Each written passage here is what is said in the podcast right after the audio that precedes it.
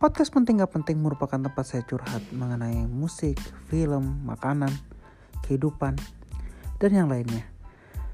Penting bagi saya, bisa jadi gak penting bagi kamu. Penting bagi kamu, bisa juga gak penting buat saya. So, this is Penting Gak Penting Podcast.